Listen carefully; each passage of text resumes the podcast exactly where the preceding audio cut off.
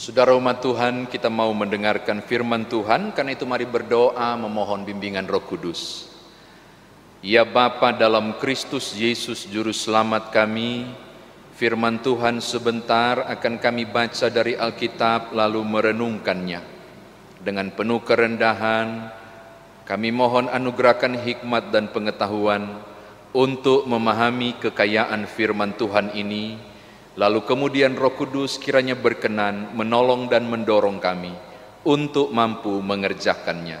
Demi Tuhan Yesus Juru Selamat, firman yang telah menjadi manusia, kami berdoa. Amin. Pembacaan Alkitab hari ini dibacakan dari Injil Matius pasal yang ke-8 ayat yang pertama hingga ayat yang keempat yang menyatakan Setelah Yesus turun dari bukit orang banyak berbondong-bondong mengikuti dia maka datanglah seorang yang sakit kusta kepadanya lalu sujud menyembah dia dan berkata Tuhan jika Tuhan mau, Tuhan dapat mentahirkan aku. Lalu Yesus mengulurkan tangannya, menjamah orang itu dan berkata, Aku mau, jadilah engkau tahir. Seketika itu juga tahirlah orang itu daripada kustanya. Lalu Yesus berkata kepadanya, Ingatlah, jangan engkau memberita memberitahukan hal ini kepada siapa pun. Tetapi pergilah, Perlihatkanlah dirimu kepada imam dan persembahkanlah persembahan yang diperintahkan Musa sebagai bukti bagi mereka. Demikian pembacaan Alkitab. Shalom Bapak Ibu Saudara, ada beberapa catatan yang saya mau bagikan kepada saudara berdasarkan bacaan kita saat ini mengenai bagaimana Yesus menyembuhkan orang lumpuh, eh, orang kusta. Matius pasal 8 ayat 1 hingga ayatnya yang keempat. Yang pertama Bapak Ibu, secara pemahaman iman jika merujuk Alkitab misalnya di dunia perjanjian lama orang menganggap penyakit kusta ini merupakan bentuk kutukan atau hukuman dari Allah. Saya mengajak saudara misalnya merujuk bilangan 12 ayat 1 sampai 10 itu tentang Miriam dan Harun yang mau memberontak lalu Tuhan menghukum mereka dengan penyakit ini. Atau kalau saudara melihat misalnya 2 Tawarik 26 ayat 16 sampai 23 ketidaktaatan Raja Usia membuat dia juga mengidap penyakit kusta. Lalu di sisi yang lain dari segi kesehatan dan kemasyarakatan yang berhubungan juga dengan keimanan, Penyakit kusta ini disebut sebagai penyakit yang najis. Sehingga melalui ketetapan imam orang itu akan diasingkan. Perhatikan Bapak Ibu ini menarik kesian. Menarik dan menyedihkan. Yaitu kalau orang yang sakit kusta itu oleh imamat pasal 13 mereka diperintahkan oleh imam untuk menjauh dari komunitas masyarakat. Mereka disingkirkan, mereka diasingkan di pinggiran kota. Ini yang terjadi. Lalu mereka diminta untuk menghidupi diri sendiri. Tidak ada yang bantu mereka Bapak Ibu. Mereka di pinggir kota, disingkirkan, lalu mereka harus menghidupi diri sendiri. Sesekali keluarganya akan bantu. Sesekali barangkali akan datang rantangan untuk membawa mereka makan. Tapi sudah pasti karena penyakit kusta tidak tersembuhkan, satu saat akan menjadi titik bosan. Lalu keluarga akan mulai meninggalkan mereka. Lalu satu-satunya cara untuk menyambung kehidupan, mereka mengemis. Mereka akan masuk ke kota dengan pakaian yang ditutup supaya nggak kelihatan, lalu mulai mengemis. Itu kondisinya. Itu yang terjadi ketika orang mengalami sakit kusta, Bapak Ibu, diasingkan. Mereka sakit secara sosial, tapi juga nista secara iman. Mereka diasingkan oleh lembaga keagamaan, tapi juga dipinggirkan oleh lembaga sosial kemasyarakatan. Ini yang dialami oleh orang itu. Lalu menurut pembacaan Alkitab kita, tiba-tiba di tengah rombongan orang yang berbondong-bondong mau melihat Yesus, ayat 2 mengatakan, datanglah seorang yang berpenyakit kusta itu. Saya mau ajak saudara, ada empat catatan yang saya mau bagikan dengan saudara. Perhatikan, yang pertama, orang itu lihat ayat yang kedua. Dia sujud menyembah, dia sujud lalu sujud menyembah dia dan berkata, saya suka menggunakan istilah menarik yang ditulis, sujud menyembah. Dia datang dengan kerendahan, dia mengemis kepada Tuhan, dia hopeless, sudah tidak ada harapan lagi. Dan ketika dia dengar tentang Yesus yang luar biasa, dia barangkali berpikir inilah satu-satunya pribadi harapan saya maka yang dia buat adalah dia turun setara tanah. Dengan kata lain, permohonan dalam kerendahan. Si kusta datang dengan penuh kerendahan, memohon belas kasihan. Perhatikan, dia datang kepada Tuhan dengan penuh kerendahan. Dia tidak bicara apa salahku sampai Tuhan menghukumku dengan kusta ini. Oh enggak, dia turun ke bawah, sangat rendah dan memohon belas kasihan. Oke, ini catatan yang pertama. Yang kedua, tolong lihat ayat kedua. Masih ayat kedua. Ada kalimat menarik ini. Tuhan, jika Tuhan mau, Tuhan dapat mentahirkan saya. Jika Tuhan mau. Saudara perhatikan, kalimat jika Tuhan mau itu punya dua aspek. Jika Tuhan mau. Aspek pertama adalah keyakinan iman. Ketika dia bilang jika Tuhan mau, berarti dia yakin Yesus mampu menyembuhkannya. Imannya meyakini Yesus pasti menyembuhkannya. Maka dia datang kepada Tuhan dan berkata, jika Tuhan mau. Kalimat jika Tuhan mau itu punya makna keyakinan iman.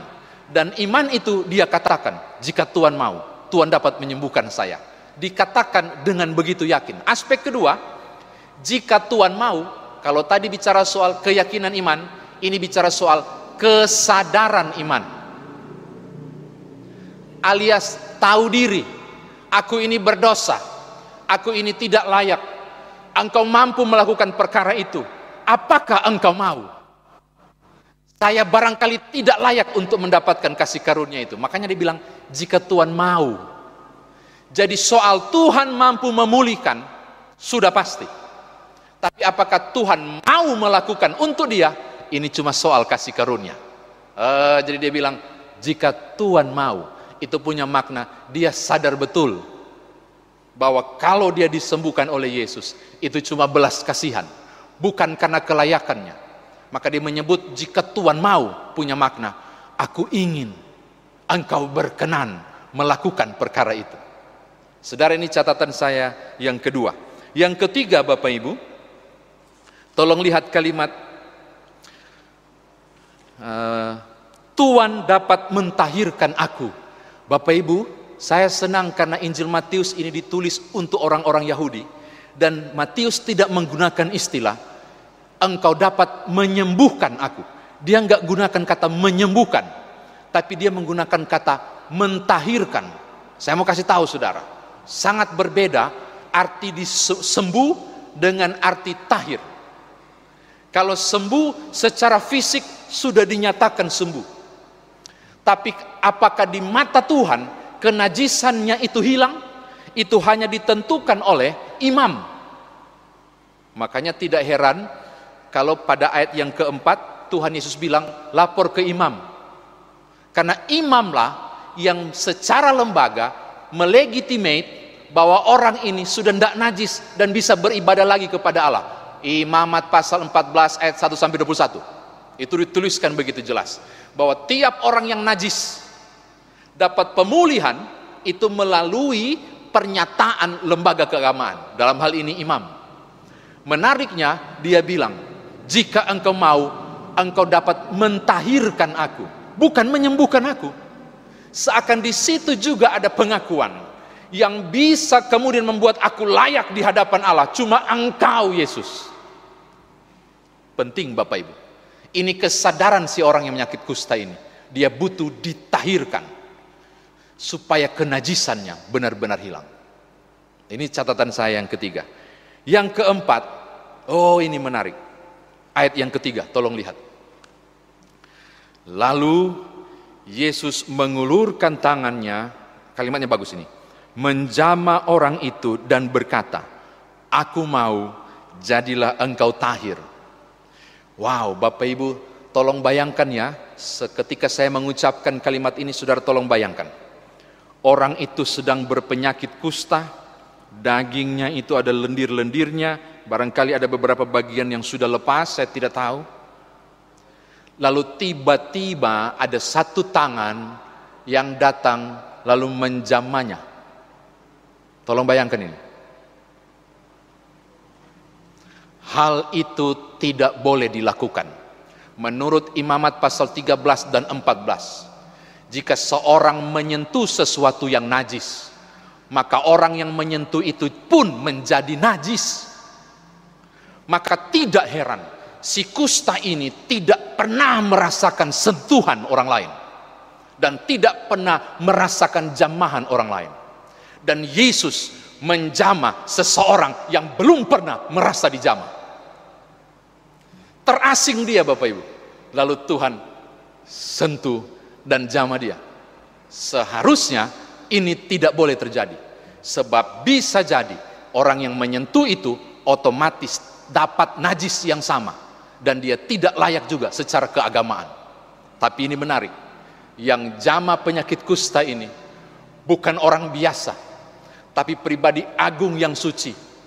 Maka ketika yang suci ini menyentuh yang najis, Justru terjadi sebaliknya. Yang najis ini menjadi kudus dan ditahirkan. Saudara lihat, ini perbedaan yang besar. Bukan Yesus tajangke atau tiba-tiba kenajisannya berpindah pada kekudusan Allah. Enggak. Justru si najis ini benar-benar mengalami pemulihan. Saya mau katakan ini sangat penting. Ketika Sang Maha Kudus menjamah sesuatu yang tidak layak menjadi dilayakkan. Saya kira demikian firman Tuhan ditafsirkan bagi kita. Nah sekarang bagaimana kita membawa dalam kehidupan beriman kita? Yang pertama,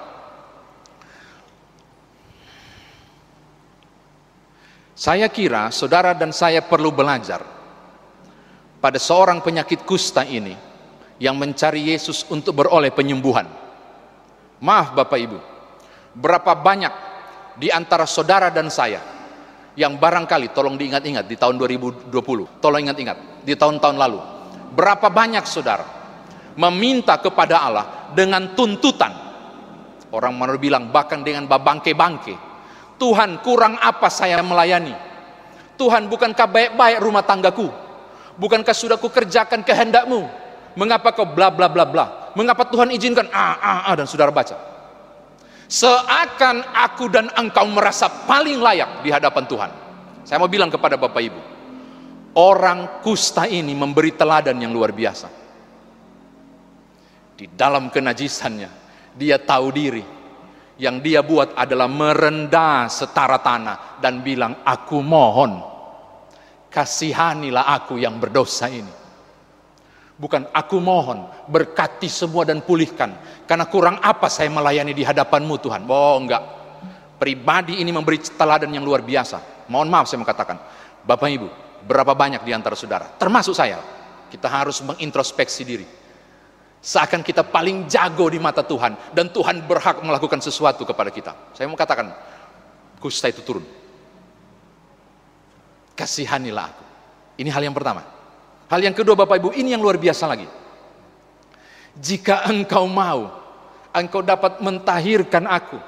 Saya mau bilang kepada Bapak Ibu yang barangkali sedang mendengarkan firman Tuhan ini. Engkau yang barangkali sedang terpuruk dalam usaha pekerjaan atau apa pun saat ini. Engkau yang sedang menangis di hadapan Tuhan tentang kehidupan rumah tangga, hubungan suami istri, masa depan anak-anak.